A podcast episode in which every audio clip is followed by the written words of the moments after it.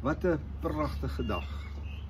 Dis asof die lug ekstra blou is en die bome en plante ekstra groen. Ek hoop dat ek dit in die volgende 3 weke op 'n nuwe manier sal raak sien en waardeer. Maar voor ons vandag begin, moet ons eers hande was. Ek hoop julle was hande saam met my. Ons is in die gewoonte om elke kort kort hande te was, 20 sekondes lank en jy met jou ring en jou horlosie afval as jy dit doen.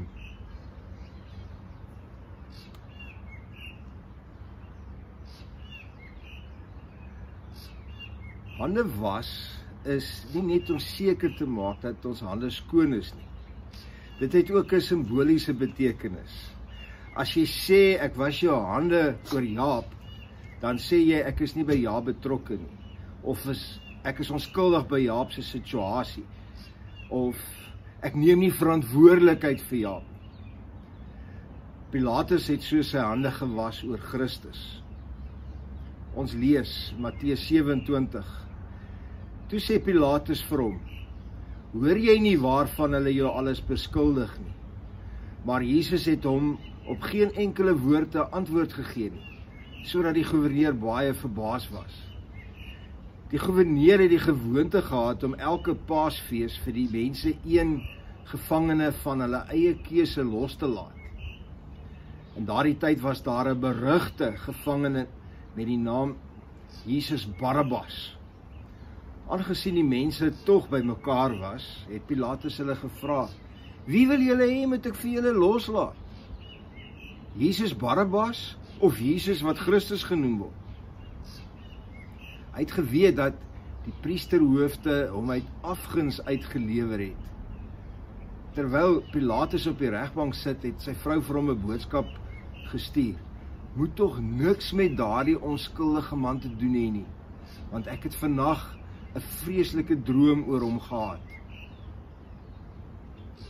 Intussen het die priesterhoofde en die familiehoofde die mense oorgehaal om vir Barabbas vrylating te vra en vir Jesus die dood. Die goewerneur vra hulle toe: "Watter een van die twee wil julle hê moet ek vir julle vrylaat?"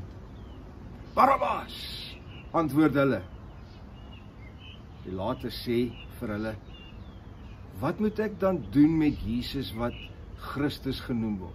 Kruisig hom, skree hulle almal. Hy vra watter kwaad het hy dan gedoen? Maar hulle skreeu nog harder: Kruisig hom! Toe Pilatus sien dat dit niks help nie en dat daar eerder 'n oproer kom, het hy water gevat voor die skare se hande gewas en gesê ek is onskuldig aan die bloed van hierdie man. Dit is julle verantwoordelikheid. Voor ons Pilatus veroordeel, kom ons kyk na sy situasie. Hy is aangestel deur Tiberius. En toe hy aangestel was, was een van Tiberius se goeie vriende 'n man met die naam se Janus. En hy het die Jode gehaat. Dis moes Tiberius die Jode haat. En Pilatus was ook veronderstel om die Jode te haat en te onderdruk. Hy het besluit om hulle sommer uit die staanspoor te wys wie's baas. Hy het 'n klomp vlaam met Tiberius se gesig oral laat aanbring. Dit was natuurlik teen die Jode se wette gewees. En toe hulle wakker word, toe wapper die vla. Julle wat 'n opstand. Hulle het behoorlik betoog. Pilatus het soldate ingestuur met kort swaarde, maar die Jode het op die grond gaan lê en hulle nekke ontbloot en het gesê kap maar af. Pilatus het nie daarvoor kans gesien nie en hy het die vla laat afval. 'n Ruk later moes hy 'n waterkanaal laat bou. Hy het geweet die Jode het baie goud en geld in die tempel en hy het die soldate gestuur om van daardie geld te gaan haal om vir die waterkanaal te betaal. Weer het hulle in opstand gekom. Die keer het hy 'n hele klomp laat doodmaak. En hy het dit vir 10 jaar lank gedoen. Hy het die Jode geonderdruk vir 10 jaar. Dis maar nogal 'n prestasie, né? Gaan kyk maar na die geskiedenis. Hoeveel ouens in sy posisie het net verdwyn? Nou ja, politiek is 'n ingewikkelde ding. Pilatus hoor toe dat sy Janus Tiberius se vriend verdwyn het, net weg. En skielik is Tiberius nie meer so teen die Jode gekant nie. En met Pilatus se baanrekord teen die Jode was sy posisie skielik baie sleg. En toe kom die Jode met Jesus by hom aan en vra hom dat Jesus moes gekruisig word. Wat was sy opsies? Hy het geweet Christus is onskuldig en hy het dit by drie geleenthede vir hulle gesê. Hier het sy verknorsing begin. Maak hy die Jode nog 'n keer kwaad en dit is die einde van sy loopbaan. Daarvoor sou Tiberius sorg. Die Jode het dit geweet. Hulle het nie verniet daarop gesin speel met as jy 'n vriend van Tiberius is. Doen hy niks, het hy ook 'n opstand met dieselfde gevolg. Sy loopbaan is daarmee. Wat was sy opsies? Moes hy 'n onskuldige man ter dood veroordeel? Hy het daaruit probeer kom.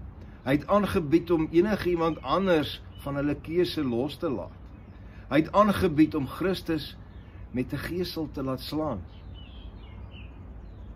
Om sake te vererger, het sy vrou toe nog 'n droom gehad dat hy niks met Christus Christus te doen moes hê. Gestel jou bejaarde buurvrou word siek. Sy hoes en sy's koorsig. Sy bel jou en vra hulp. En sy sê sy's te swak om haarself te versorg. Kom help. Jy probeer die dokters bel.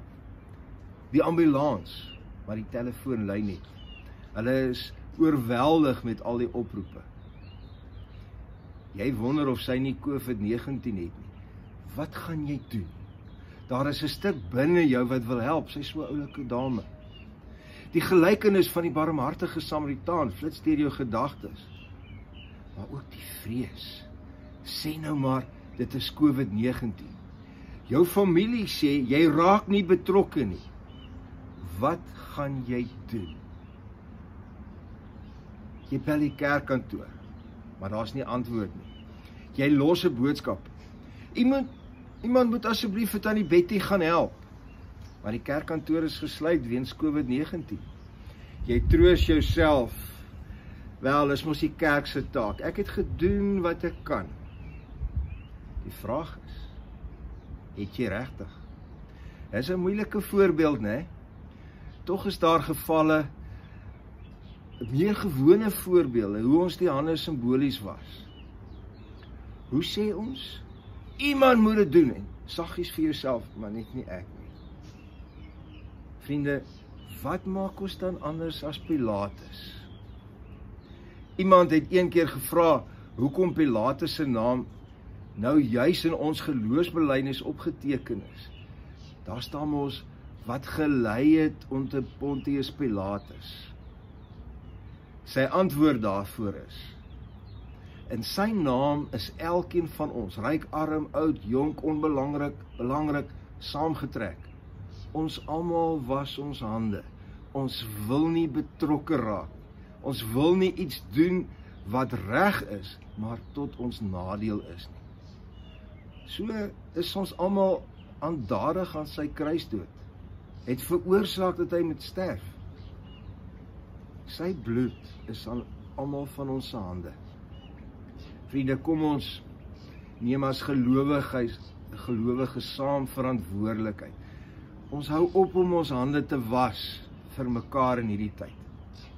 Kom ons bid vir ons land en al die noodsaaklike personeel wat aanhou werk ten koste van hulle self. Kom ons bel mekaar, SMS mekaar, WhatsApp mekaar.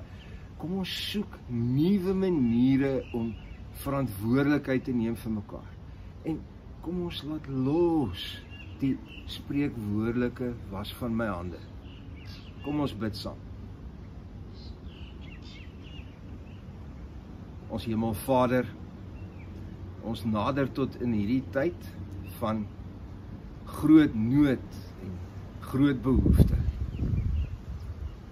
Ons land en ons wêreld is in 'n krisis gedompel. En ons het U so nodig.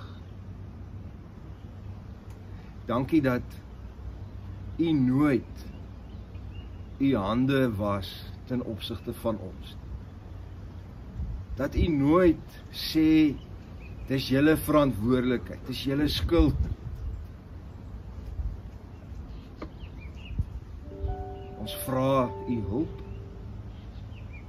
Ons vra U wysheid. Ons vra U genade.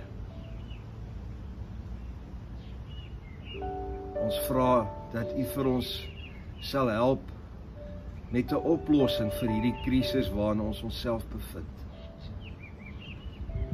Hemel Vader in hierdie tyd van afsondering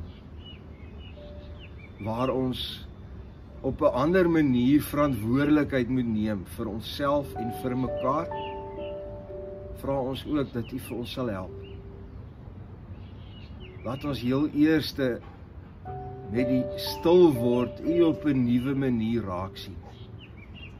Here, neem hierdie COVID-19 krisis in U hand en gee vir ons 'n geestelike vrug wat U wil. En bring 'n verandering in ons tot stand. 'n Verandering van ons was ons hande, dis nie ons verantwoordelikheid nie. Tot 'n Ek neem die verantwoordelikheid op. Ek maak spreek woordelik my hande vuil. Ek neem verantwoordelikheid in my hande. Ons bid dit in Jesus se naam. Amen.